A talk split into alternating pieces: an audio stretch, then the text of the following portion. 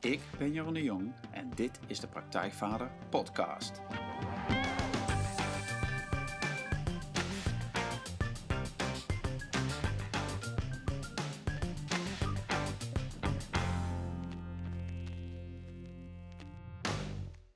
Welkom bij een nieuwe aflevering van de Praktijkvader Podcast. Jeroen hier en goed dat je luistert. Zoals elke aflevering interview ik een inspirerende gast die jou verder gaat helpen bij de volgende stap in je vaderschap. Ik vraag schrijvers, coaches, wetenschappers, kunstenaars naar hun vak, hun ervaringen, hun tips en trucs over hoe jij met meer ontspanning en plezier de vader kunt zijn die je je kinderen en jezelf gunt. En vandaag is Tao-trainer en meester in de seksuele kung fu Reinoud Eleveld te gast. Welkom Reinoud. Ja, dank je. Reinoud is een bekende in de praktijk van de podcast. De aflevering over mannelijke seksualiteit die ik eerder met Reinoud opnam, leverde talloze dankbare reacties op van luisteraars. En Reinoud is een zeer ervaren Tao-trainer die door jarenlange studie over de hele wereld de geheimen van de seksualiteit en vitaliteit bestudeerde. En een van die geheimen is het meervoudig orgasme voor mannen. Iets wat hij schaart onder de veelbelovende noemer seksuele kung fu. Reinhard's motto is: wil je een succesvolle man worden, begin dan bij je testicles. Reinhard ontdekte dat je seksuele energie kunt inzetten om je interne energiecentrale een flinke en blijvende boost te geven. In zijn trainingen liet hij dat aan mannen, maar ook aan vrouwen. Dus meer plezier in bed, uh, fijne orgasmes, meer orgasmes, maar boven alles meer energie, focus en helderheid om te doen wat je wilt doen in je leven. Nou, voor mannen schreef hij uh, samen met Jos Goosens het boek Alleen voor mannen, het meervoudige orgasme, de handleiding. Maar Reinhard is ook de man achter het boek Het Voorlei-orgasme, wat voor vrouwen is. Maar eigenlijk is die hele seksuele kung fu maar een deel waarvan Reinhard mee bezig is. Hij noemt het zelfs een bonus op al het andere. Um, en dan hebben we het over de Tao-training, die hij geeft op verschillende manieren, online, meerjarig. En daar is die seksualiteit dus maar een onderdeel in. Nou, Reinoud is, daar gaan we het over hebben, over die Tao. En hij is ook bedreven in diverse Chinese krijgskunsten. En wat ik vind, hij is een zeldzaam voorbeeld van walk your talk. Want de Reinoud is inmiddels de 60 gepasseerd, maar is, is absoluut een stralende bonk van vitaliteit. En dat is wat hij uitdaagt in zijn trainingen, maar hij is het ook echt zelf. Nou, in deze aflevering gaan we verder waar we in de vorige aflevering zijn opgehouden. We gaan het hebben over seksualiteit en waarom we daar zo geobsedeerd door zijn. Hoe je seksualiteit kunt transformeren tot een oneindige bron van energie. Over mannelijke en vrouwelijke energie, ongetwijfeld nog veel meer. Maar ook over de levenswijsheden van de Tao. Dus we gaan meteen beginnen. Reinoud, goed dat je weer in de podcast bent. Ja, dank je. Ja. Wat een lijst. Ja, wat een lijst, een heel verhaal, maar dan nou, is iedereen weer bijgepraat. Ik zei net al, die vorige aflevering die we hebben opgenomen over mannelijke seksualiteit, ging die vooral over, over het meervoudige orgasme. Ja. Die leverde heel veel dankbare reacties op. Ja, mooi, mooi om te horen. Ja, mannen waren heel blij dat we eindelijk een keer over seksualiteit hadden op een manier ja, die iets raakte waar het normaal niet aan raakt. Die niet gaat over hoe moet ik nou seks hebben of hoe moet ik vrijen maar meer over uh, ja, het idee erachter en hoe je seksualiteit eigenlijk in je leven kunt integreren, wat voor invloed het heeft op de relatie met je partner uiteraard, maar ook op de relatie met je kinderen. We hebben het over internetporno gehad en waarom mannen daar zo mee bezig zijn. Dus nou, dat, mannen waren daar dankbaar over. Als je luistert en je wilt er meer over weten, kun je de andere podcast luisteren. Maar deze is ook heel goed apart te beluisteren, dus blijf gewoon lekker hangen. Um, maar om toch even te beginnen bij die seksualiteit, wat, wat, wat de bron van misschien wel alles is. Um, wat is voor jou de essentie van een gezonde seksualiteit? Hoe kijk jij daar tegenaan? De essentie van een gezonde seksualiteit. Um, ja, laat ik het zo zeggen. Toen ik uh, jong was, klein was en met seksualiteit begon. Ik ben, ik ben hetero, hè, voor de duidelijkheid. Ja. Dat iedereen, ik, bedoel, ik praat vanuit een hetero perspectief, maar dit is ook voor homo's of, of ja. biseksueel. Maakt me helemaal niet uit. Hè. Maar ik ben zelf hetero. En uh, ik woonde in een gezin met uh, drie andere kinderen. En seksualiteit was bij ons wel bespreekbaar. Mijn moeder was daar echt gidsend in. Dat deed ze heel slim. Uh, bij deze nou, we waren met z'n vieren. We mochten allemaal een tijdschriftje uh, ontvangen. per week, zo'n week, week ding. Mijn broer die had de app over de pep of zo. En ik had de Donald Duck. En mijn, jong, mijn, jongere, mijn zus die had um, de Tina. En mijn jongste zusje, die was dan best een beetje nakomeling. Die had een of ander konijnenblad of zo. Ik geloof de Bobo of zoiets. Ja, maar, Bobo, ja. Zit ik wel diep in mijn geheugen nu. Ja.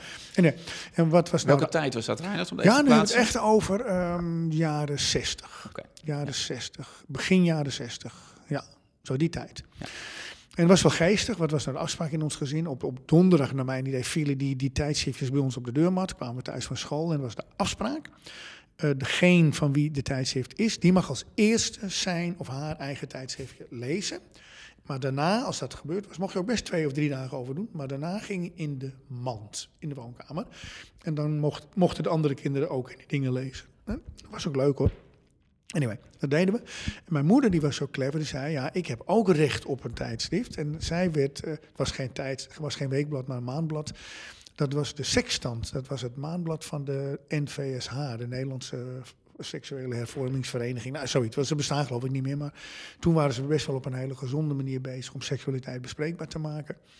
En wat mijn, dan viel dat ding van mijn moeder ook op de deurmat. En dan zaten wij natuurlijk een beetje naar te loeren. Maar nee hoor, mijn moeder pakte dat ding dan mee en verdween niet. Echt wel een week was dat ding weg. Maar dan vroeg of laat verscheen hij in de mand. Daar waren wij al lang uitgelezen met ons andere dingen.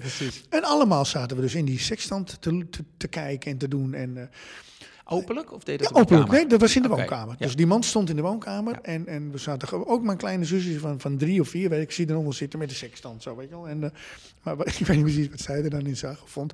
Maar dat gaf, gaf wel de sfeer aan. waar ging dat blad over?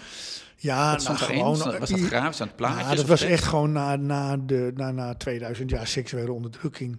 Ja, was die, die de Nederlandse Vereniging van Seksuele Hervorming ging over, laten we er nou eens over gaan praten. En we zijn er nou bezig. En het ging ook over onderwerpen, over de pil, of over condooms, of over uh, fatsoenlijk met elkaar omgaan. En hoe ga je nou eigenlijk met een meisje als je verloofd bent, en maar nog niet getrouwd. En, en wanneer is iemand nou een slet, en wanneer iemand is nou een leuke... Nou, al die onderwerpen. Dus dat ging ons allemaal een beetje boven de pet, want we waren zelf natuurlijk natuurlijk, als je met de Donald Duck bezig bent, ben je nog niet seksueel actief. Maar op een of andere manier was die seksualiteit. Dus alle kinderen vinden dat toch leuk. Op een of andere manier weten we instinctief dat, dat bloot en intiem en seksualiteit erbij hoort. We komen tenslotte uit die baarmoeder gekropen, dus iets in ons weet dat. En, uh, dus het was openlijk. En, uh, en uh, toen we dus wat ouder werden, toen, toen was het onderwerp seksualiteit al op tafel. Niet zoals we nu, wij, jij en ik met elkaar praten. Maar er kon over gepraat worden. En mijn moeder legt altijd heel veel nadruk op als je dan verliefd wordt of je wilt, uh, gaat la later zelf, of op een gegeven moment werden we ook 12, 13. Uh, wees fatsoenlijk naar die meisjes. Daar was, uh, en ook toen we dan vriendinnetjes kregen, of mijn, mijn zusjes vrienden, zo kwamen ze bij ons, kwamen ze natuurlijk ook bij ons over de vloer. En zij moeder van eerst maar eens een tijdje alleen zoenen. Of dan een beetje aan, weet je, een beetje eh, knoet, zo heet zoiets, weet je wel, gewoon ja. Eh, tegen elkaar aan een beetje. Maar als zij door begon te krijgen dat we richting wat meer uh, bloot gingen, dan zei ze, kwam ze dan zei je, of je vrijt hier in huis, of je vrijt bij de vriendin in huis, maar je gaat niet in de ach, niet in de garderobe of achter de school of in fietsenstallingen. Dus er wordt gevreden op een fijne, om, veilige omgeving. Nou ja, en, en aldoende leerde ik eigenlijk. Uh, ik heb bijvoorbeeld mijn eerste verkering, ik denk dat wel een jaar lang met elkaar vreden voordat we eigenlijk overgingen tot seks, of tot de daad, laat ik ja. het zo zeggen. En ik denk nog steeds met heel veel plezier terug aan die eerst, dat eerste jaar. Dus dat, ik, dat we met elkaar vreden, ik en mijn vriend, zonder penetratie. Ja. Het was een wijze les voor mij, omdat ik uh, toen al wist. Het gaat dus niet alleen om penetratie, maar het gaat om ja, weet je, eigenlijk blij en veilig zijn met elkaar. En als je nou vraagt, wat is nou gezonde seksualiteit? Dan volgens mij hoort dat blij en het veilige eigenlijk helemaal vooraan Dat heb ik echt van mijn moeder geleerd. Ja. En, en, en, hoe gingen die gesprekken? Want het praten over seks met je kinderen, dat, dat gaat niet altijd vanzelf. Dat blijft een beetje onhandig soms. Hoe, hoe, hoe was dat toen voor jou dat je moeder het daarover had? Hoe nou, nogmaals, het gaat niet zoals wij nu praten. En, en ze praten ook niet over hun eigen seksualiteit. We konden wel onze ouders horen vrij in huis. Het was niet zo'n groot huis. Dus als papa en mama het vrije waren, dan wist je dat. Of, hoe vond je dat? Uh, nou, eigenlijk, uh, een, dat gaf mij een gevoel van veiligheid. Dus ik had het idee van, nou, mama en papa zijn vriendjes nu. Ja. Dus het is veilig. Ja. Zoiets. Nou, ik vraag het omdat het natuurlijk veel, um, als je het over hebt, zeg maar, van, hè, dat ja, maar als kind wil je toch niet weten dat je ouders het doen of vrijen, want dat... Hè, nee, maar ik had ja. ook nul voorstelling van wat ze nou deden. Okay. Ik, ik hoorde alleen geluiden, vrijgeluiden, ja, ja. bed, uh, ja. weet ik wat. En, en, als kind weet je dan, nu, wordt het, nu is er seks, zoiets, ja. dat weet je. Maar het gaf me, ik, ik had geen enkel idee over waar het eigenlijk over ging. Okay. Maar ik wist al, en ik hoorde dan ook wel daarna, als ik even op en neer naar de badkamer liep, het hoorde, blijkbaar moest je op en neer naar de badkamer lopen daarna. wist ik allemaal helemaal niet waar het over ging, maar ik was blij, want het voelde voor mij, papa en mama zijn op dit moment vriendjes. Ja. En dat is Dat maakte mij blij. Dus Ja. dan sliep ik lekker in, zoiets. Ja. Dus, hij- dus de- laat ik zeggen, ik was, ik was blijer met de veiligheid die eruit straalde dan dat ik nou eh, daardoor fantasieën kreeg. Dat was eigenlijk niet zo. En er werd bij ons ook nooit gepraat over eh, wat je nou eigenlijk deed bij het vrijen. Dus eh, mijn ouders hebben daar nooit een piep over vrijgegeven. En eh, ik moest gewoon zelf uitzoeken. En ik, mijn moeder heeft ook nooit gevraagd, wat doe je nou met je vriendinnetje? Zeg maar nul. Nee. Alleen ze wilde dat we ze, ze, ze wil niet dat we op onveilige plekken mochten vrijen met die meisjes. Dat vond, dat vond zij niet goed voor die meisjes. Ja. Zo, dat was haar boodschap. En eh, nou goed, toen ik 20, 30 was, had ik dat echt wel in mijn oren geknoopt. En was ik naar de westerse maatstaaf een goede minnaar, zou je kunnen zeggen. Ik dacht van, nou, ik, ik, ik kon vertragen. Vertragen is heel belangrijk. Ik wist dat die vrouwen, die meisjes zich veilig moesten vo- voelen. Anders is het niet goed en zo. En, en dat ze eigenlijk, als je dat allemaal doet, dan zijn die meisjes ook super, vinden het ook super leuk om te vrijen. Eigenlijk precies hetzelfde als mannen. Vrouwen vrijen net zo graag als mannen. Als ze maar veilig zijn. Zo, dat heeft mijn moeder eigenlijk geleerd. Pas veel later, toen ik op zoek ben gegaan naar die, eh, naar die eh, seksuele geheimen. Of hoe je, nou die, hoe je die dingen nou omzet in intensiteit en vitaliteit. En, en hoe je dat nou in die krijgskunst inbouwt. Toen ben ik wel gaan snappen dat ik eigenlijk niet een hele bijzonder goede minnaar was. Dus dat ik eigenlijk heel weinig verstand had van seksualiteit. En ja, dat in het Westen ook, kun je ook wel nagaan, 2000 jaar seksueel onderdrukt. Of weet ik wel, m, weet je wel, niemand wist meer waar het over ging. Dat, dat los je natuurlijk niet op met een, met een, met een maandblad. Nee. Wat, waar een moeder in de mand legt. Want die mensen in het maandblad, wat die daar schreven, wisten ook niet waar het over ging. Niemand wist ook waar het over ging. En, en daarom is het ook zo'n pornografische toestand geworden in onze cultuur. We zijn gewoon verdwaald op gebrek aan kennis. En, en die kennis die ik dan met name in, in China ontdekt heb, bij die oude Taoïsten. Toen besef ik, van, dan krijg ik wel een beetje, oh jezus, min, het zit nog veel subtieler in elkaar dan ik ooit had gedacht. Het zit anders in elkaar dan ik had gedacht. En, en toen kreeg ik ook wel een beetje dwang op, moeten mensen dit in het Westen eigenlijk niet weten? En eh, zoveel verwarring zie ik eigenlijk om me heen. En, eh, en dan nog even bij die kinderen terug te komen. Kijk, want ehm, je, de kinderen hoeven helemaal niet te weten wat papa en mama doen. Maar kinderen willen wel eh, voelen dat als de vader op de goede manier met mama omgaat, dan is er ook intimiteit. En dan is er ook seksualiteit. En dan is er, heb ik al eerder over gehad in die vorige podcast, dan is er ook hechting.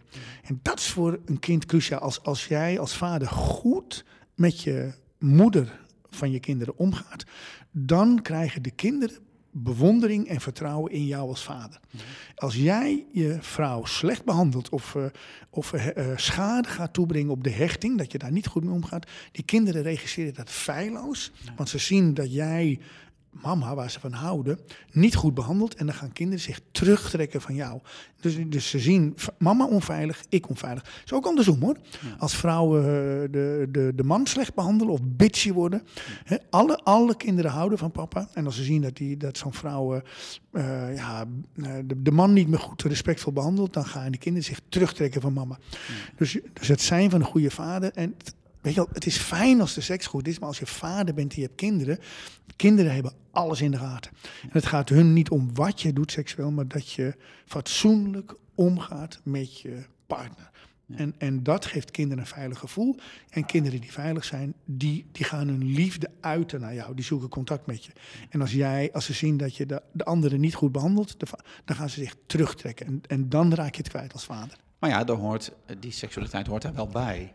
Ja, maar is een eh, onderdeel van. Ja, dat hoort erbij, maar wat je veel ziet, hè, en daarom had ik het net ook over dat, dat eerste jaar met mijn allereerste verkering, dat we helemaal niet, niet penetreerden. En dat is nog steeds seksueel een van de meest warme herinneringen uit mijn leven. Ik heb natuurlijk daar wel, wel met penetratie gewerkt, want dan denk je dat is echte seks. Maar, maar het blijkt eigenlijk maar, dat snap ik wel, maar dat is maar ten, ten dele, op zijn minst ten dele waard, waar. Je kunt er een heleboel andere dingen over hebben. Maar eh, we hebben het nu over vaderschap Ja. en, en eventueel Ja. over moederschap, maar Ja. dat, dan moeten die moeders maar gaan, gaan luisteren of gaan nadenken. Maar geloof me, als jij, eh, als jij een goede vader wilt zijn, dan moet je werken aan het veilig en respectvol omgaan met de moeder van je kind. Ook als je gescheiden bent. Dan Ja. nog moet je niet denken, ja, dit en dat en je moeder is de schuld van alles. Zodra je dat zegt, beschadig je je relatie met je zoon of met je dochter. En, eh, en als het andersom gebeurt, ook. Maar als jij fatsoenlijk omgaat, je bent, eh, ik vind een goede vader die moet een soort noblesse hebben. Je moet een beetje, je moet als man, gedraag je ook als man. En, en laat zien dat je boven, boven de kleine ergernissen kan staan. En eh, neem daar tijd voor. En dan word je ook beloond met een intiemere, rijkere relatie. Ja.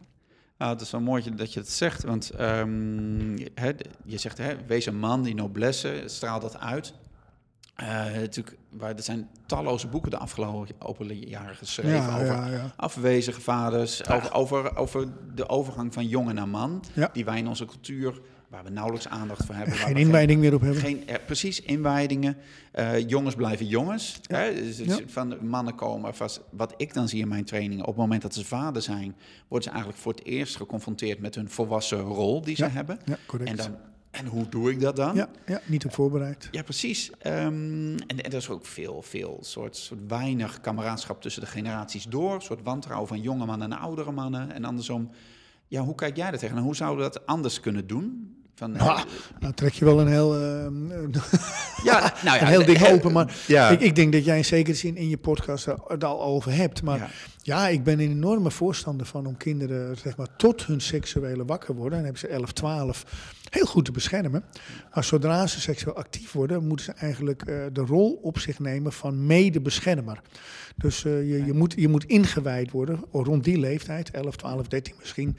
Uh, met, en inwijding klinkt zwaar, maar daar bedoel je eigenlijk mee dat je, dat je niet alleen nog maar een kind bent. Dus dat je mede verantwoordelijk wordt voor de kinderen van 0 tot en met 12. En dat je al een soort tussenrol krijgt in, nou nu moeten wij gaan zorgen voor dat het veilig is. En dat je dus niet zomaar je mag niet zomaar kind meer blijven. Je bent een jong volwassen aan het worden. Je kunt zelf al kinderen maken op je twaalfde, op je dertiende. Dus dat betekent dat je al moet gaan leren van oké, nu ben ik verantwoordelijk voor de kleintjes. Okay. En uh, daar hoor je in zekere zin ook een naam voor te krijgen. Dus in de meeste culturen krijg je een tweede naam. Een andere naam. Op het moment dat die puberteit Ja, meestal is de, de leeftijd tot en met twaalf, dat is de moedernaam. Dus je krijgt een koosnaam. De moeder mag de eerste twaalf jaar de naam verzinnen. En de tweede, de tweede naam die je krijgt, die krijg je van je vader. Dan krijg je de vadernaam. En de vadernaam betekent, nu gaan wij zorgen voor de kwetsbaarheid van de clan. Dat zijn de kleintjes, maar dat is ook de kwetsbaarheid van onze vrouwen en dat is de kwetsbaarheid in jezelf. Dus daar was een heel duidelijk idee over. Uh, dat je al een beetje een krijger werd en niet alleen maar een, een, een, een kindje wat mocht experimenteren. En daar was natuurlijk een soort fase in. En dan kreeg je uiteindelijk aan het eind van je um, jonge volwassenheid... dan kreeg je meestal wel moedsproeven. Dat zat ook een heel veel... Dan ben je zo 17, nou, bij sommige culturen eerder, sommige culturen wat later. Maar ja, dan werd je acht, drie dagen lang de wildernis in te lopen... in je eentje, van, nou, noem maar op. Ja. En, uh, dus, dus dan, en als je dan terugkwam, was het best wel een beetje gevaarlijk. Maar als je terugkwam, dan snapte ook een beetje van... oké, nu ben ik een man en nou... En dan ging je ook als man gedragen ten opzichte van die vrouw. Vrouwen kregen ook inwijding en dat ging natuurlijk over over uh, ja, hoe gaan we de kleintjes zorgen en hoe voorkom je dat je ongewenst zwanger wordt. En uh, nou, er werd over nagedacht, want als je te veel kinderen in de vallei had, ja, dan kreeg iedereen een hongersnood. Dus er werd, er werd, eigenlijk gewoon verstandig over nagedacht. Maar we kennen eigenlijk geen hongersnood meer. We kennen eigenlijk geen inwijding meer. We weten niet goed wat kwetsbaarheid betekent. We zijn seksueel onwetend. Dus we strompelen eigenlijk met alle, nou ja, nu overdrijf ik, maar goed. En, uh, we komen een beetje in ons volwassen leven aan zonder dat we die stappen gemaakt hebben. En hebben vaak achterstallig onderhoud. Nou, dat is waar jij ook uh, heel erg mee bezig bent. Dat vind ik ook supergoed. Ja. ja. Ja, en, en als ze nu, hè, als je, uh, mijn zonen zijn, zijn, ik heb een zoon van 15, ik heb een zoon van, van 12. En, um, en daar ben ik natuurlijk wel op een bewuste manier mee bezig, zeg maar, om ze een, een, rol te geven. Maar ik vind het wel mooi wat je zegt, om ze echt ook een rol in, gewoon wat ik praktisch zou kunnen doen, hoor. En al die andere mannen die luisteren, ook om ze praktisch een rol in het gezin te geven. Meer. Dat, dat ook. En, en, je hoort ook als jongen verteld worden van nou, als je op straat ziet dat iemand gepest wordt, dan grijp je in. Ja. Dan, dan neem je het op voor degene, dan ga je tegenover de boelie staan. Kijk, dus, moet vergis je niet hoor, kinderen van 10, 11, 9, die kunnen de kinderen van 5, 6, 7 de leven ontzettend zuur maken. Ja. En als je dus niet als jonge man oplet, van, als, kijk, wij, jij bent aan het werk, ik ben aan het werk, maar wie zit er om die kleine kinderen heen? De grotere kinderen. En die grote kinderen horen in te grijpen als er geboelied wordt. Ja. En als jij zelf een boelie bent, dan hoor je eigenlijk aangesproken worden door jongens van 14, 15, 16 zeggen, ho kom eens even hier. Als je daarmee doorgaat met die kleintjes pesten, dan krijg je met ons te maken. Dat, dat hoort eigenlijk zo. Dus Dan heb je een soort gezond systeem eigenlijk, wat zichzelf corrigeert. wij- wij weten toch niet wat die kinderen van 6, 7 meemaken op het schoolplein. En, en, en die juffen, die schooljuffen, meest kunt toch ook niet alles zien. Maar wie, wie kunnen meekijken? Die jongens van 11, 12, 13. Maar hoe leren we dat onze kinderen? Nou, om, te, om, te beginnen, om te beginnen moet je het snappen. ja, zelf. Nou ja, je moet begrijpen waar we het hier over hebben. Dus je, moet, je moet als het ware het idee omarmen. En het idee omarmen is stap 1. Als je het idee omarmt, dan is stap 2 oefenen. Want je kunt iets alleen eigen maken als je het oefent. Ja. Je moet het gaan doen, zeg maar. En eh, praktisch, zeg maar. Als jij wil leren timmeren, nou, dan snap je, oké, hamer, spijker. Nou, dan, dan moet je op een gegeven moment zeggen, nou, koop een doos spijkers en ga die spijkers in de hout slaan. En aan het eind van de dag snap je, ik snap hoe het werkt. Als je alleen maar mooie ideeën hebt en het niet oefent, en niet, niet eigen maakt, dan gaat het niet gebeuren. Dus zo hebben we letterlijk mannen nodig die zeggen, nou, oké, ik ga met mijn zonen zitten en ik ga, ik ga jullie een tweede naam geven. Je krijgt een nieuwe naam van, nou, en die naam, dat is de naam van een beschermer. En dus jij komt op voor, om te beginnen, de kleine kinderen in het gezin. En jij komt op voor, eh, als er kindertjes gepest worden op straat. Je gaat een beetje mee verantwoordelijk worden voor het maken van een veilige wereld. En ik geloof je, eh, de meisjes van die leeftijd, hè, de meisjes van 13, 14, die zien dat. Als een meisje ziet dat jij als jonge man van 11, 12, eh, zeg maar, opeens een stap maakt in je verantwoordelijkheid. En als je 13, 14 bent en je komt op voor een, voor een jongetje wat gepest wordt van 7. Meisjes die, die zien dat onmiddellijk. En die zien meteen, wacht eens even. Dat is een potentiële leuke vriend. Want die, die zorgt voor de kleintjes. Zij voelen al dat er kleintjes gaan komen. Dus ze willen graag, heel graag iemand die, die opkomt voor die bescherming. Ja. Nou, zo gaat het in onze cultuur ontstaan. We moeten gewoon een beetje opnieuw beginnen met z'n allen. Ja, en dat, maar dat begint dus uiteindelijk, het begint niet bij de kinderen, maar het begint bij de vaders, de mannen van nu, zeg maar, die dat snappen. Ja, en jij en vertelde... dat zelf ook gaat doen, hè? Die dat zelf ook gaan doen. Ja, ja, en je moet ook even terugkijken. Hoe is het met jouw eigen vader gegaan? Is het, ben jij wel... Wil je het herhalen zoals je het vader, jouw vader het met jou gedaan heeft? Of wil je een stapje eh, daarin verbeteren? Dan moet je dus, kun je niet vertrouwen op wat je van je vader meegekregen hebt. Heel vaak op dit moment. Nou, dan moet je zelf gaan nadenken van nou, hoe wil ik het wel doen? En dan moet je een beetje gaan oefenen en alle kleine beetjes helpen. En je moet er geen onmogelijke taak van maken, maar alle kleine beetjes helpen. Ja, en, en vind ik ook cruciaal, blijf respectvol met de, de moeder van je kinderen omgaan. Ook al zit je zo'n tanden knarsen van ik ben niet meer verliefd en ik vind de secretaresse honderd keer leuker, weet je wel. Maar blijf een man.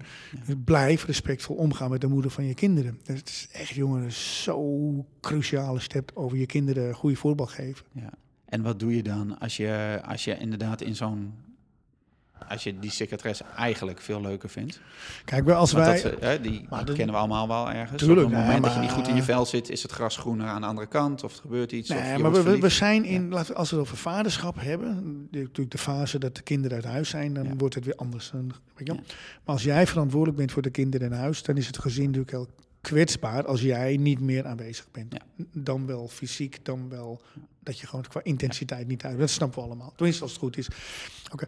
Als je verliefd wordt op een secretaresse, dat snap ik allemaal wel. Want we zitten ook als je 25 bent, als je 30 bent, als je 35 bent, als je 40 bent. Dus die hele leeftijd waar we het nu over hebben.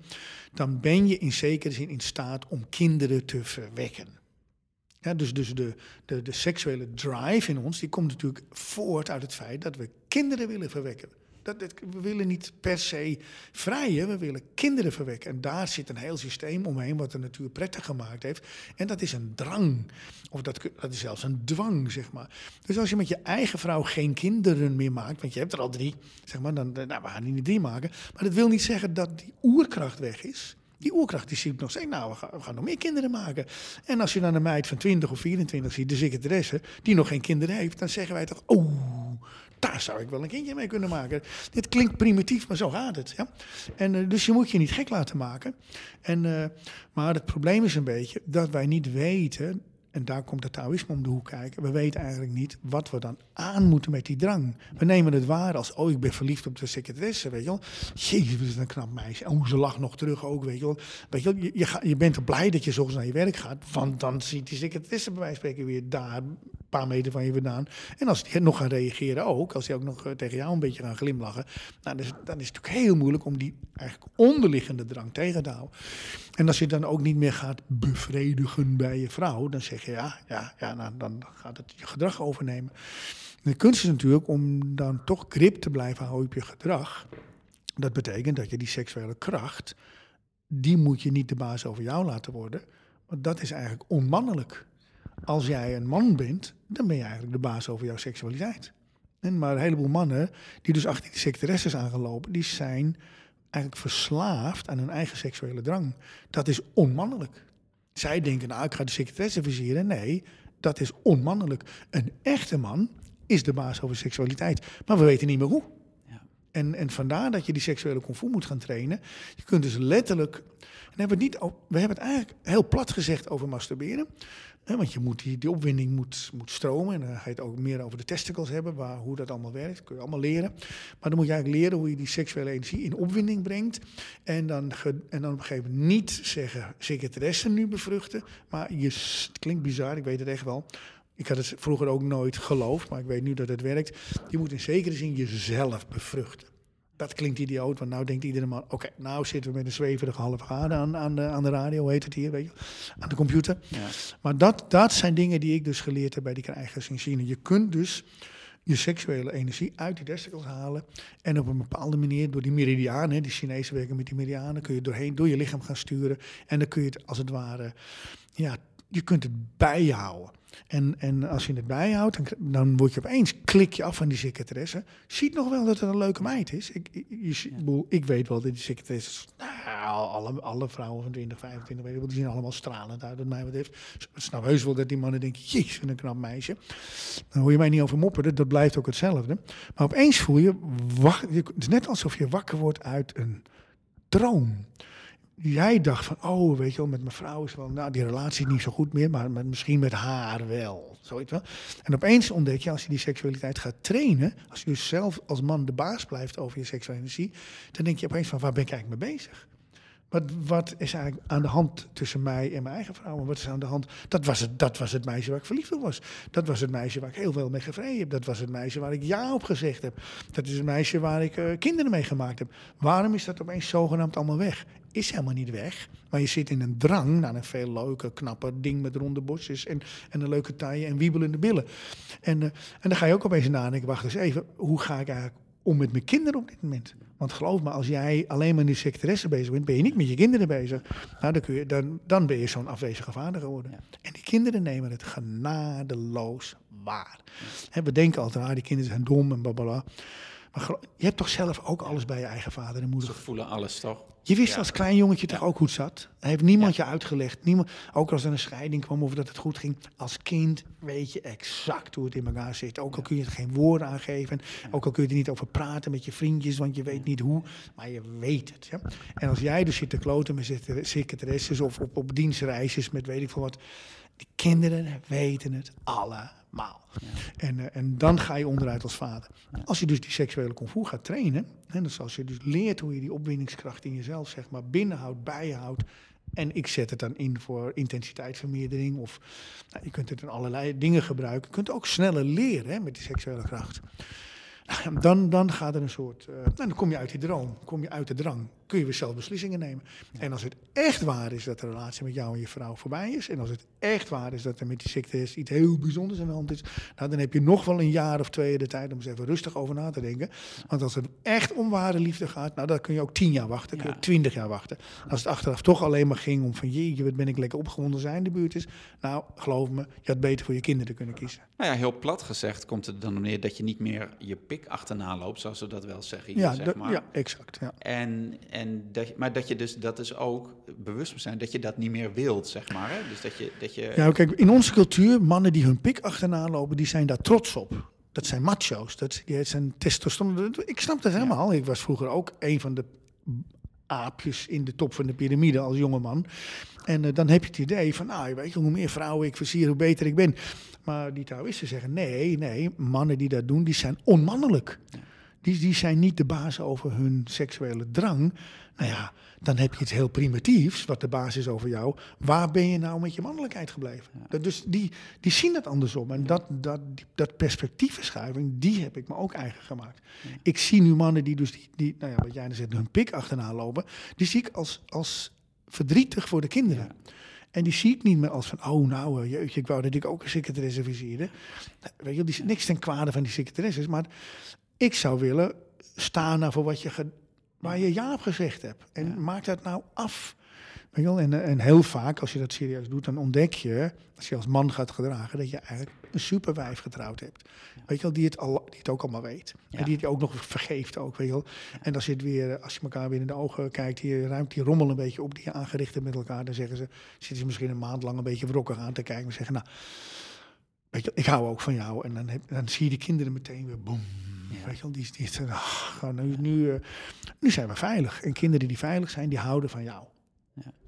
Ja, je moet ook denken van eh, de- wat jij pas vertelde eh, in de training die ik bij jou volgde over, over het soort integreren van niet alleen je eigen mannelijke energie, maar ook soort als man ook je vrouwelijke energie omarmen. En je vertelde toen dat, eh, dat voorbeeld van dat jij Nelson Mandela daar zo'n mooi voorbeeld van Ja. vindt, zeg maar. Kun je, Ja. dat, kun je dat vertellen? Van, eh, hoe kijk je daar tegenaan? Nou, kijk, kijk wat, ik, wat ik eigenlijk probeer te zeggen, dat die, die Taoïsten die beweren dat je niet zomaar mag doen waar je zin in hebt.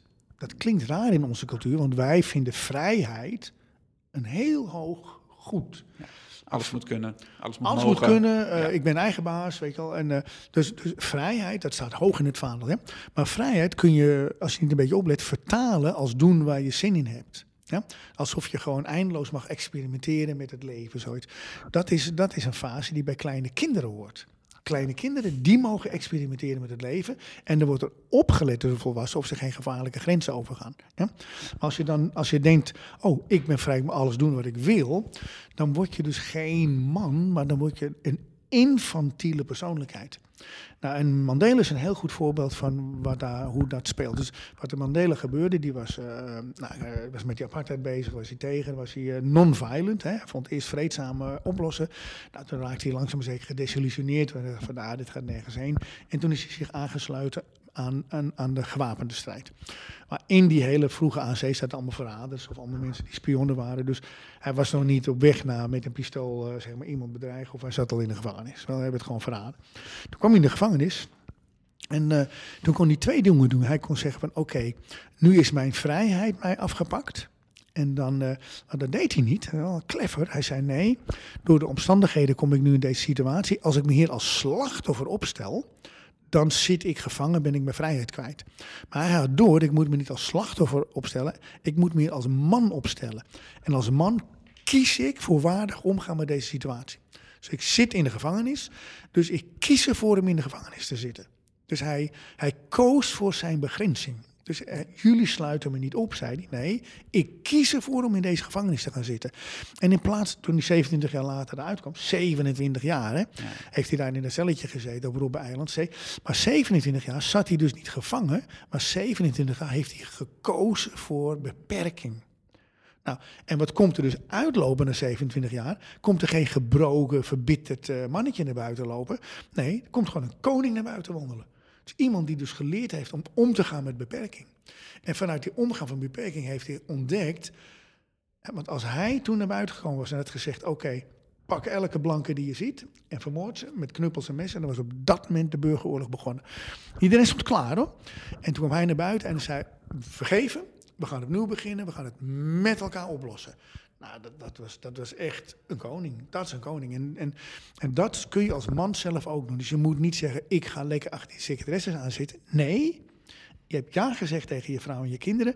En nou ga je zelf ervoor kiezen. Ik ga in die gevangenis zitten. Mannen ervaren een huwelijk vaak als gevangenis. Ja? Van, oh, ja, ik kan niks meer. Waar ik is kan mijn niks meer. Leven? Waar is mijn Ja. mooie leven gebleven? En ze, uiteindelijk gaan ze de kinderen en de vrouw aankijken. Jullie zijn de schuld van dat ik niet lekker kan dansen en weet ik wat doen waar ik zin heb. Nee, dat is onmannelijk. Wat Mandela dit zei, oké, ik zit in deze situatie. Ik had liever buiten rondgelopen, ik was liever vrij geweest. Maar ik neem dit als een man en ik kies ervoor dat ik vrijwillig in deze situatie hoor. En hier kan ik niet uit. En als je dat ervaart, dus als je jezelf beperkt als man, zegt dit is mijn speelveld. Dit is wat mij betreft mijn Robben-eiland. En dan ga je daar binnen als man je gedragen, dan gaat dat koningschap ontstaan. Ja, en, en, en dan als je 27 jaar later zijn je zonen volwassen, even je dochters zijn volwassen, en dan komen ze op je verjaardag thuis en ze zeggen, papa, papa zeggen ze dan, weet je wel, ja, ik heb zoveel van je geleerd en ik hou zoveel van je en klaar. Snap je? Zo gaat het. En als jij zegt, ah nee, weet je wel, ik hou niet van beperking en je moeder zit te zeuren, ik ga lekker die secretaresse in de billen knijpen. Wat zeggen je kinderen als jij, als ze op je 27ste, als ze 27 zijn, dan komen ze langs? Ze komen niet langs. Zeggen, papa, sorry, eh, ik heb iets anders te doen bij verjaardag. eh, krijg je een, zoek het uit. Ja. Eigenlijk denken ze, halve garen lul. Ja? En dat is terecht. En eh, terwijl als je voor die beperking kiest en daar echt voor gaat... Nou, ja, dat, dat, dat is wat die Taoïsten zeggen. Dat is, eh, dat is precies wat zij zeggen. Beperk je nou, dus maak dus niet de kracht van je... ik doe waar ik zin in heb. Nee, hou je aan de fucking afspraken. En als je dat echt ondergaat als man, dat je daarvoor kiest... Nou, dan gaat er iets gebeuren wat Mandela ook overkomen is. Ja.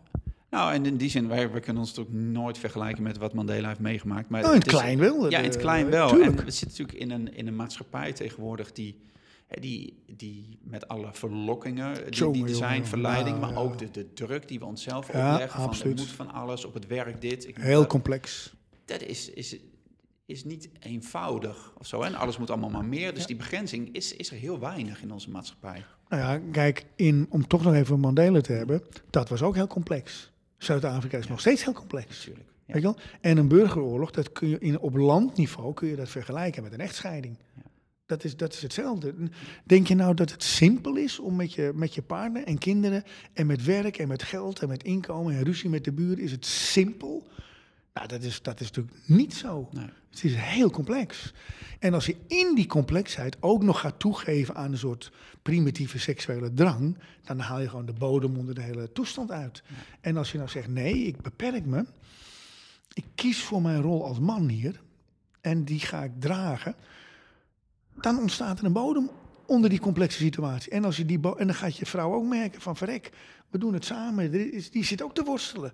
Die is ook geen eh, 24 meer, die wordt ook 34. En die, zit ook, eh, en die gaat ook 38 worden en 40 worden. En die ziet ook dat de meisjes van 18 de aandacht krijgen in plaats van de meisjes van 40. Wel. En, die, en die moet ook en werken en er leuk uitzien. En de kinderen op tijd naar school brengen. En het huis aan kant en de schoonfamilie. Jezus Christus, wat moeten we niet allemaal doen met elkaar? Als je dan, en als je daar dan niet thuis in geeft, nou, dan zakt het toch in. Je moet gewoon kiezen voor waar je voor gekozen hebt. Sta voor je ja. Ja. Nou, dat is eh, helder. Ja. helder, Reinoud. Nou ja, ik, Ja. ik zeg het misschien wat blunt, maar het heeft, ik heb ook geen zin om, de, om er mompel-mompel over te doen. Nee, maar dat is ook helder. En ik moet er ook denken aan... ehm, ja, je zegt, hè, Mandela komt eruit als een koning... en pakt je koningschap in je eigen situatie... of je eigen ja. gevangenschap. Ja.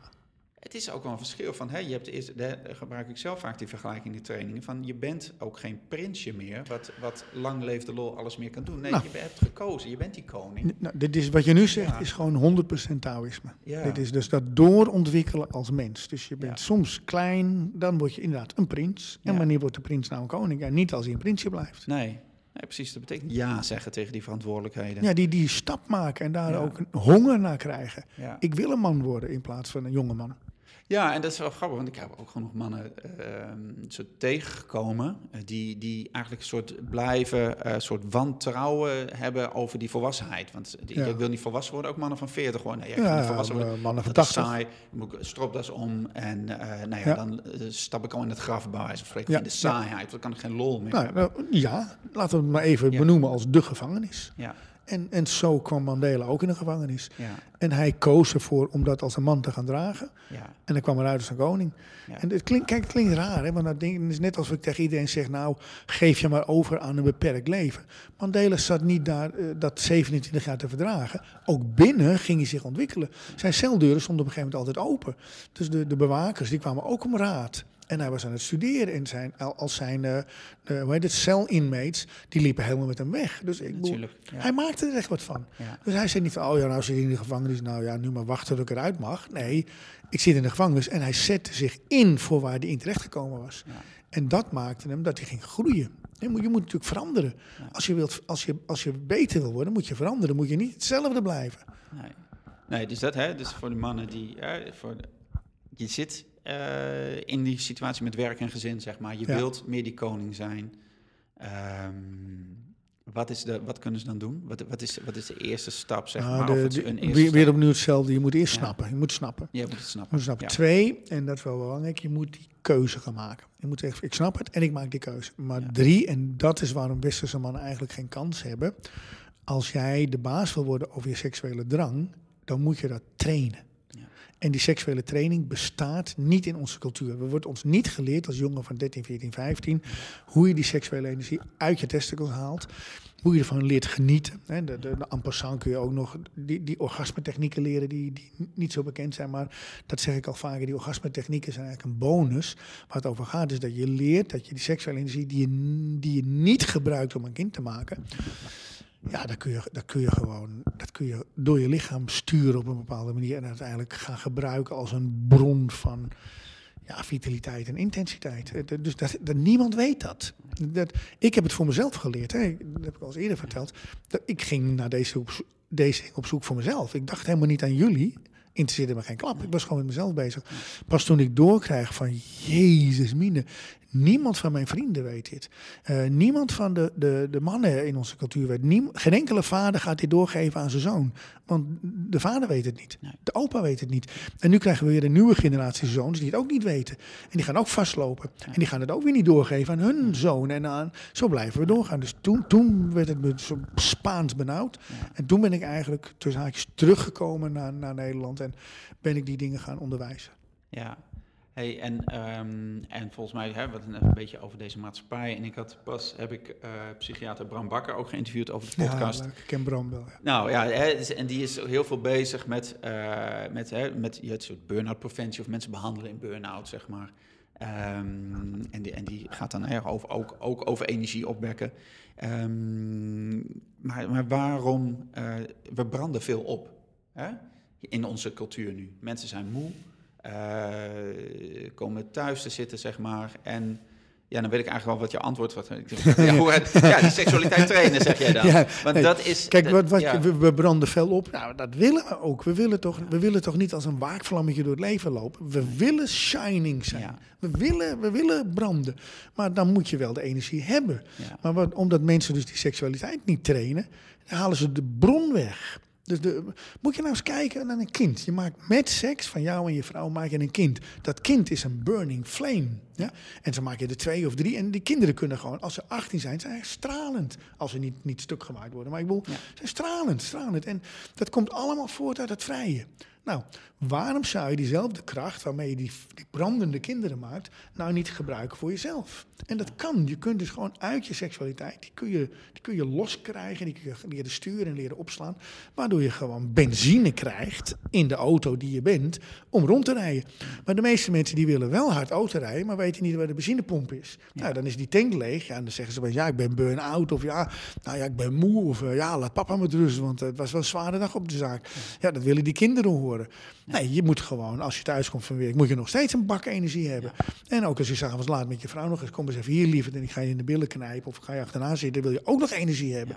Maar als je dus geen energie hebt, ja, waar komt die energie nou vandaan? Hoe ben jij je eigen energie gekomen? papa, mama hebben jou gemaakt. Ja. Dat was het. Het is zo simpel als je erover nadenkt. Ja. En denk je dat je, dat, dat je die energie nou haalt uit cocaïne of uit, uh, uit ecstasy of zo? Nee, je brandt het alleen maar de laatste restjes op.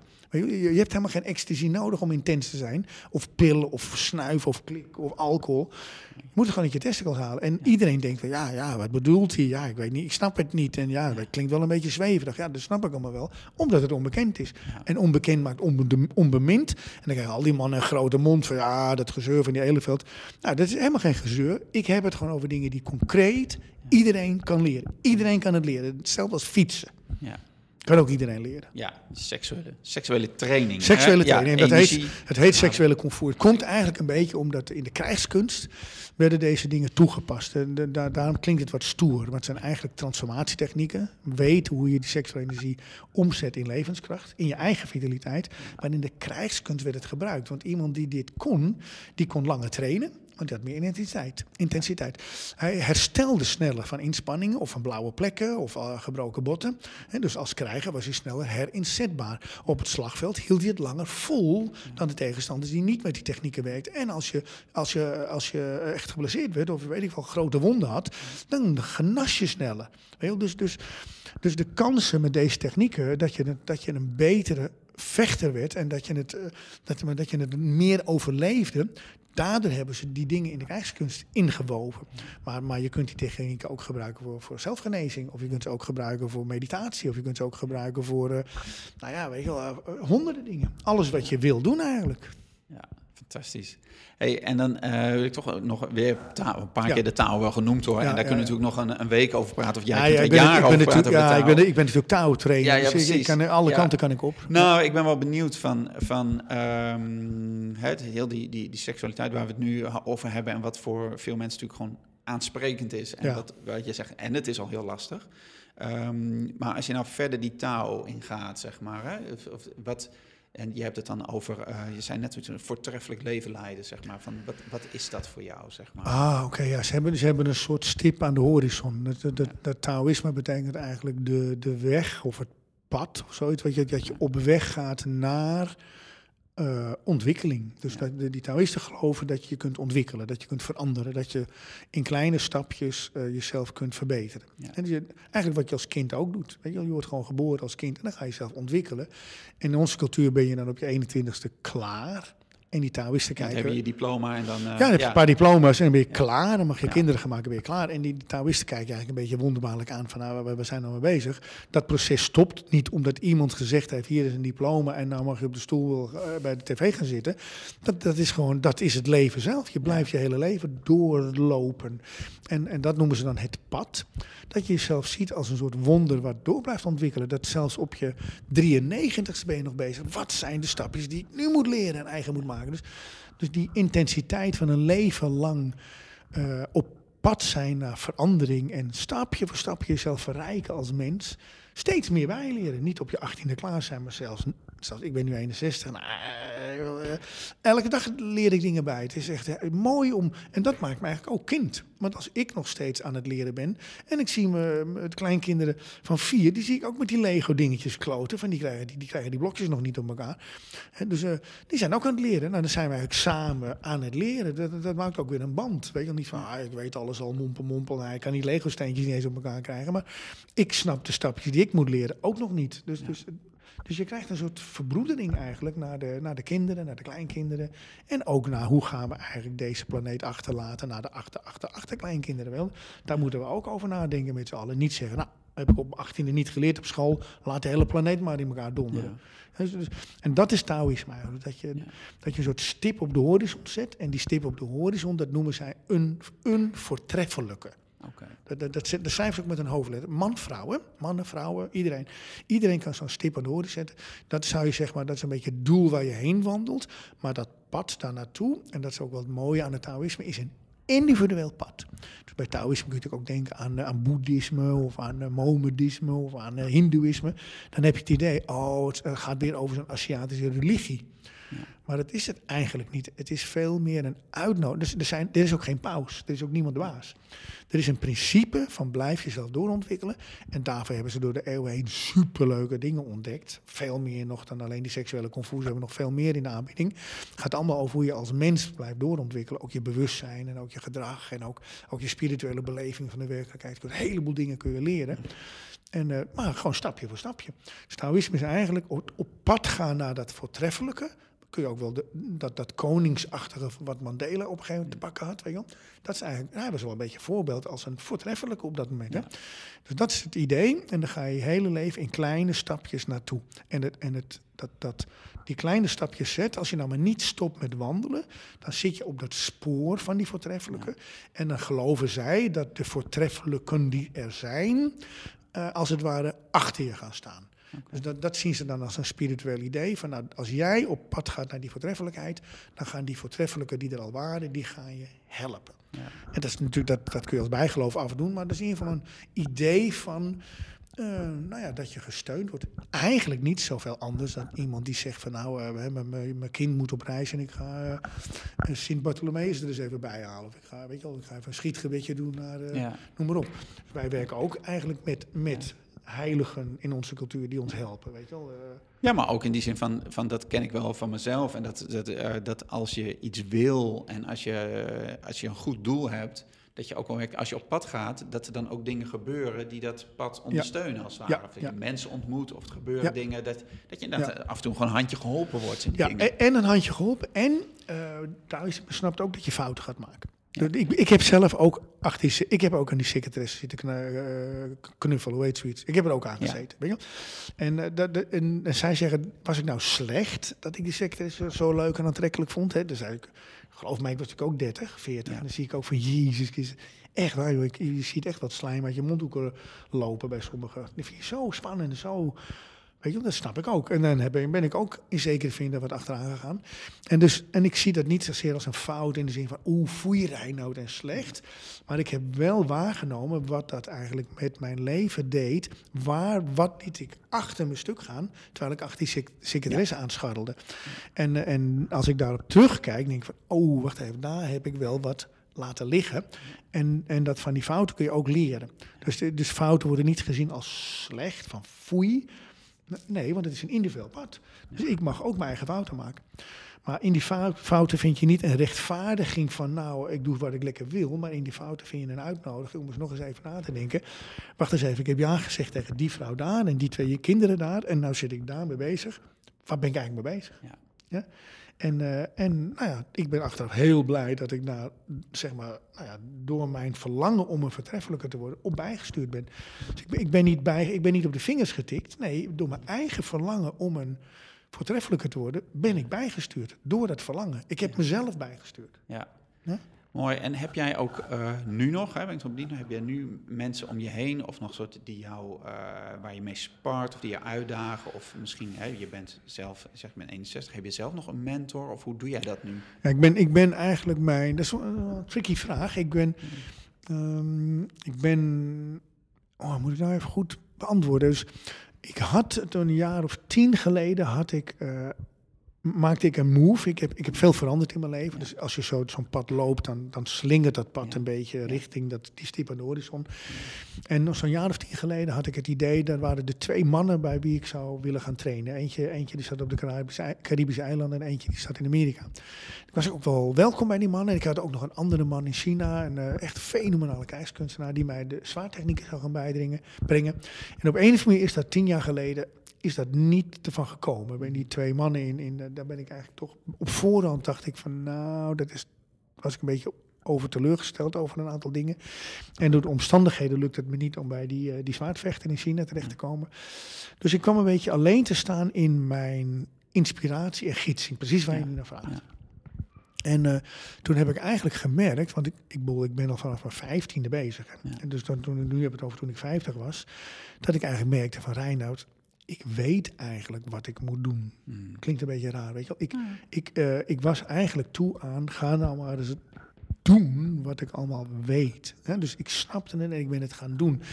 En, eh, maar inmiddels, hè, dus ik, ik heb ook best wel hele goede mensen om me heen hoor, die tegen mij zeggen, Reinoud, eh, nou, dimmen even, of eh, wacht eens even, dat gaan we dus niet, niet doen. Of, eh, ik zie je lachen nou, maar Ja. dat is echt waar. Dus ik, heb, ik heb echt mensen die me praktisch echt wel bijsturen en, Ja. en ook steunen trouwens op een heel goede manier. Maar ik heb inmiddels heb ik weer eh, iemand eh, waar, ik, waar ik, die dus ook in die voortreffelijkheidslijn zit. En waar ik nu eigenlijk, ja, klinkt een beetje raar, voor aan het sparen ben en voor aan het opbouwen ben om daar eh, contact mee op te gaan nemen. En dan hen, hem, een man in dit geval, te vragen of ik bij hem een tijdje weer, eh, nou ja, van hem kan leren. Dus, Ja. ja. eh, maar je kunt heel goed sommige stukken door zonder. Ja. Vroeger was er zo'n idee van, ja, je moet een... je- moet een mentor hebben die je de rest van je leven, weet je wel, tot hij doodgaat en dan ben jij de volgende. Tegenwoordig is het veel, ehm, veel diffuser. Je kunt via boeken leren, je kunt via trainingen leren. Je kunt, soms ontmoet je een hele bijzondere vrouw of man die je stukjes leert. En soms sta je er even alleen voor. Nou, pak je dat op. En soms krijg je weer een kans om weer beter te worden. En eerlijk gezegd, als ik terug naar nu kijk naar de man waar ik les van wil hebben. Tien jaar geleden had hij me niet geaccepteerd. Ik was eigenlijk nog, ja, nou, laat zeggen, niet ontwikkeld genoeg. Als je me dat toen gezegd had, zeg van nou, ho, ho, ho, zo, zo. maar nu zie ik ook wel weer verschillen. Ik heb bijgeleerd, dus omdat ik bijgeleerd heb de afgelopen tien jaar, zie ik dat ik weer een andere man geworden ben. En kun je, kun je kort zeggen van wat je hoopt te leren bijna of wat je verwacht, wat wil je? Ja, wat ik, ik wil, ja, ah, nee. Nou, laat ik het zo zeggen. Ik wil ehm, met name in de dream practice stappen gaan maken. Dus in de Taoïsme leer je niet alleen overdag eh, jezelf eh, te ontwikkelen, maar je leert jezelf ook in de nacht als dromer te ontwikkelen. Dat is, nou ja, nu gaan we wel even een heel andere kant op, maar je vraagt ernaar. En ik ben als dromer, zit ik eigenlijk op een niveau wat, wat niet past bij mijn ontwikkeling als volwassen man. Dus ik, ik ben als, als man ben ik een heel eind nu.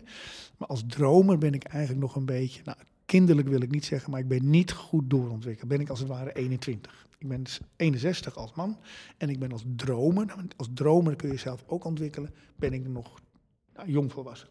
En ik ben nu op zoek naar iemand die me gaat helpen om als dromer volwassener te worden. Maar, maar daar zijn we weer. Uh, daar kan ik nu niet op ingaan natuurlijk, want dan wordt een hele toestand. Zo. Nee, dat snap ik ook. Maar ik was wel benieuwd van. van maar dat, dat is mijn volgende stap. Ik moet een betere dromer worden. En, en ik zie ook je, je ja, soort, soort je wil dat ook, zeg maar. Zo van, eh, nou, iets leren. Iets ik voel me precies hetzelfde als toen ik me 15 voelde. Dus ik, ik, ben, ik, ben, ik ben echt, ik heb heel veel aan mijn, aan mijn neus. Ik heb natuurlijk ook een bedrijf. Ik ben echt vol in de overdracht zoals het deed. Ik ben heel veel mensen aan het leren hoe het allemaal werkt. Wil ik ook. Ik ben een beetje overbelast, maar ik ben echt gelukkig. En, uh, en ik voel me eigenlijk precies als toen ik me 15 voelde. Van, uh, hetzelfde eigenlijk. Ik ben gewoon volle kracht bezig om, uh, om te leven. Ja. En ik heb de energie er ook voor, dus waarom, waarom niet? Ja, nee, want die genereer je wel, want dat is heel, ja, die, heel je verhaal. Terwijl we praten kan ik het doen, zeg maar. Ja, ja precies. Ja, mooi. hey, en um, wat is nou, wat zie jij, misschien van de, de, de mannen, maar ook de vrouwen die, die jij traint, zeg maar. Wat, wat zie je uh, met hen gebeuren, zeg maar, in, vanaf het moment dat ze binnenkomen? En je hebt verschillende soorten trainingen natuurlijk, maar wat, wat, wat krijg je terug, wat er veranderd is, wat zie jij bij die mensen gebeuren? Dan moet ik even een gemiddelde man-vrouw nemen. Want, ik zie ja. want het, is een, het is een individueel spoor. dus, dus iedereen heeft een eigen.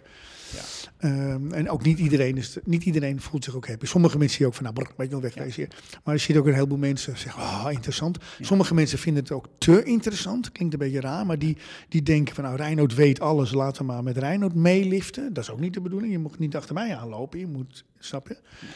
Moet zelf, zelf doen. Ik leg je uit hoe je kunt lopen en dan ga lopen. Maar goed, een gemiddelde klant, dan zie je eigenlijk in het eerste jaar een nou, bijna ogenblikkelijke verbetering van, de, van het energieniveau en de blos op de wangen. Veel mensen komen een beetje grauw binnen en na een jaar zie je blos op de wangen komen. Dat is wel echt een gemiddelde leerling.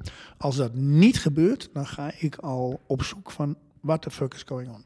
Maar dan klopt er iets niet. Hè? Dus dan, dan moet ik of bijsturen of ik moet zeggen, ik weet niet waar je mee bezig bent, maar je bent niet aan het doen wat de bedoeling is. Hè?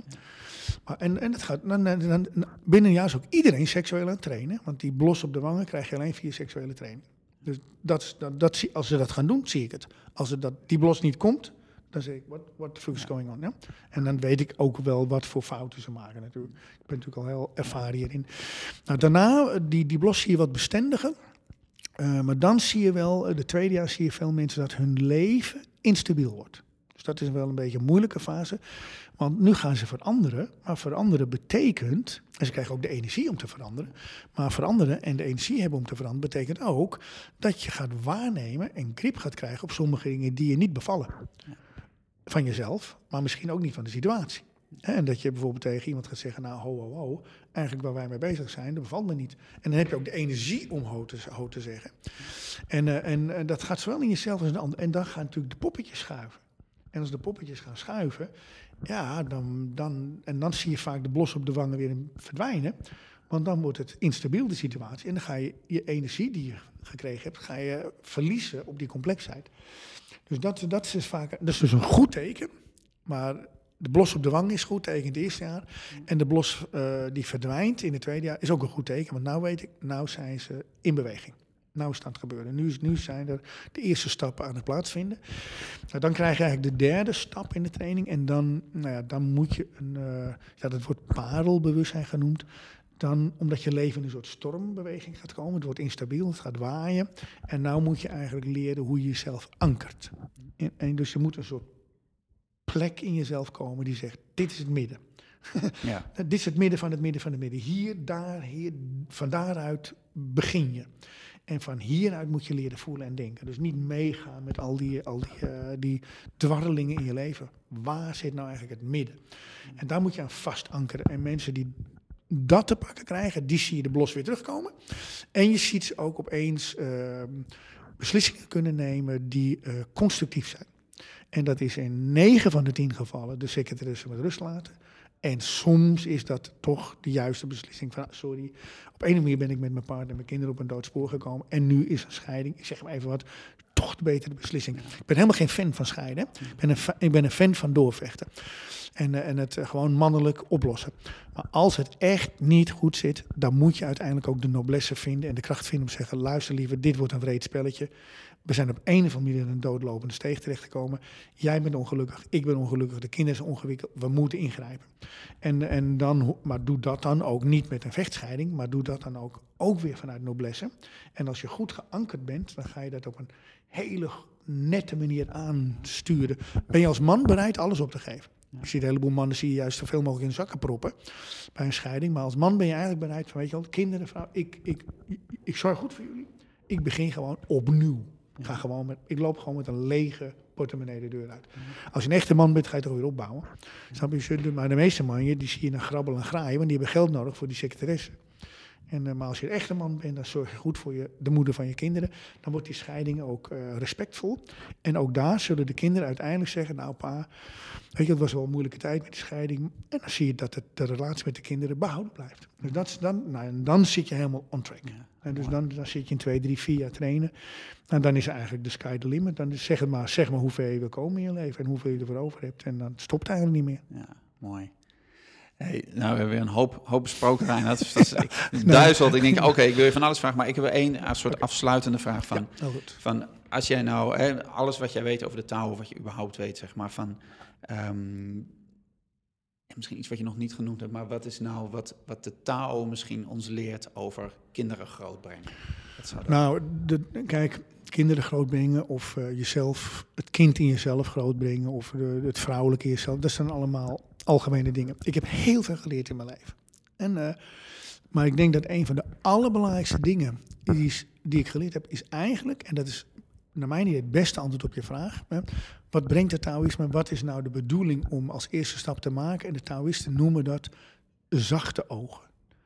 Dus dat je je leven dus niet gaat leven vanuit harde ogen, dan, dan, is, dan heb je een meer soort vijandelijke houding ten aanzien van alles en om je heen en in jezelf. Maar laat je, maar laat je ogen zacht worden. Dus letterlijk dat je ogen een beetje zo, nou, een beetje zo drijven in je oogkassen. En dat je, je oogleden wat ontspannen worden. En dat je gezicht wat ronder wordt en zo. En dan, daar begint eigenlijk dat hele Taoïsme mee. Wordt, wordt, um, niet zo, niet zo niet zo je best doen. Dat klinkt een beetje.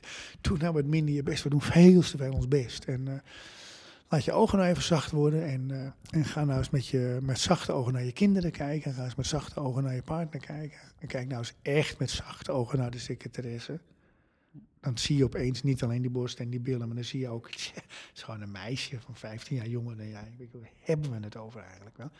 En die zachte ogen, dat is net het overstokje. Nou, daar beginnen ook al mijn trainingen mee. Van, ga nou eerst die ogen zacht maken en krijg je als het ware een soort knop in handen die, uh, nou ja, dan heb je eigenlijk je eerste stapje al gezet. Maakt niet uit wat je me gevraagd had. Dat, dat is eigenlijk dan toch het antwoord. Ja, dus het is een andere, ja, eigenlijk letterlijk een andere blik naar die dingen. Nou, nou, letterlijk een andere blik. Ja, Dat, dat, dat, uh, dat zeg je goed. Ja, ja mooi. Ja, moeten we even denken. Het is wel een, een, soort kleine anekdote. Toen we hier begonnen met het interview, toen hield opeens de techniek ermee op. En dan hè, denk ik, oh ja, shit, wat gebeurt hier nou? Ja. En, en, en toen zei je ook eens, oké, ja, weet je, dit gebeurt allemaal. Oké, en dat is eigenlijk ook een beetje zachte ja. ogen daarnaar kijken. Je zou niet op je kop geven. En beginnen gewoon weer opnieuw. Ja. En blijkbaar is dit iets beter. Zoals, dit is ja, wat er is. Zo ging het toch ook lekker? Ja, precies. Dus, al, uh, ja. Super fijn interview. Reinoud, als mensen meer over jou willen weten, waar moeten ze dan, uh, waar kunnen ze terecht? Jouw, uh, ja, werk? tegenwoordig gaat het natuurlijk via websites, denk ik. dus het, mijn hoofdwebsite is taotraining.nl. En dan heb ik nog die nou ja, als ik ga daar maar eerst heen. Of je moet gewoon even googlen op Reinoud, Reinoud Heleveld. En dan weet ik wel, dan vind je eigenlijk alles wat je zoekt. Sommige mensen zijn natuurlijk meer geïnteresseerd in die seksuele kanalen. Als man moet je dan bij meevoudigorgasme.com kijken. En als vrouw bij valleiorgasme.com. En, maar bij touwtraining vind je meer het algemene beeld. En dan heb je nog van die sportkanalen. Ah, je moet gewoon even googlen en dan vind je... Googlen, ik zal wat linkjes op de, op de website zetten ook. en ik zal ook een linkje naar het vorige interview erbij zetten. Dus dan heb je alles bij elkaar. Ja. Reinoud, ontzettend bedankt voor het gesprek. Ja, graag gedaan. Leuk. Ja, jij ook bedankt. Mooi. En als je luistert, uh, fijn dat je er weer was. Um, ja, zoals ik, net, zoals ik net al zei, wil je meer weten over Reinoud? En uh, dan kun je dat vinden op de website. Dat is praktijkvader.nl slash podcast. Daar vind je deze aflevering terug, het andere interview met Reinoud en ook nog al die andere tientallen interviews. En je kunt je gratis abonneren via iTunes Ehm, of Stitcher als je een Android-telefoon of toestel hebt. En dan krijg je iedere keer als er een nieuwe podcast is, automatische melding op je mobiel. Hoef je niks voor te doen, helemaal gratis. En, eh, maar je kunt ook alle afleveringen natuurlijk gewoon uh, luisteren via de website, via laptop, via tablet, wat je ook wil. Um, ik wens jou een hele fijne tijd. Heb het goed. Veel plezier met je gezin, met je kinderen, met je partner. En we spreken elkaar volgende keer bij de volgende podcast. Oké, doeg! Voordat je gaat, wil ik je nog even wijzen op het volgende. En dat gaat over Vurige Vrijdag. Hoe zou je het vinden om elke vrijdag een heel korte en uiteraard gratis mail van mij te ontvangen met daarin 5 tips die het leven met je kinderen een stuk leuker en moeitelozer zullen maken? Vurige Vrijdag is een korte mail met een dwarsdoorsnede van wat ik de afgelopen week ben tegengekomen op mijn reis door de wereld van bewust en betrokken vaderschap. Het kunnen inspirerende artikelen zijn, citaten, spullen die ik heb aangeschaft, films of boeken om zelf of met je kinderen te lezen en te kijken, tips voor een uitstapje, inzichten uit mijn trainingen, een korte oefening die je meteen thuis kunt uitproberen en nog veel meer. Zie het als een instant inspiratieshot net voordat je weekend begint. Veel mannen willen graag concrete en praktische tips. Nou, hier heb je ze. Ga naar www.praktijkvader.nl slash vurige-vrijdag voor een eerste indruk en meld je daar meteen aan voor je wekelijkse vader inspiratieshot. Dus www.praktijkvader.nl schuine streep vurige streepje vrijdag. Heb het goed!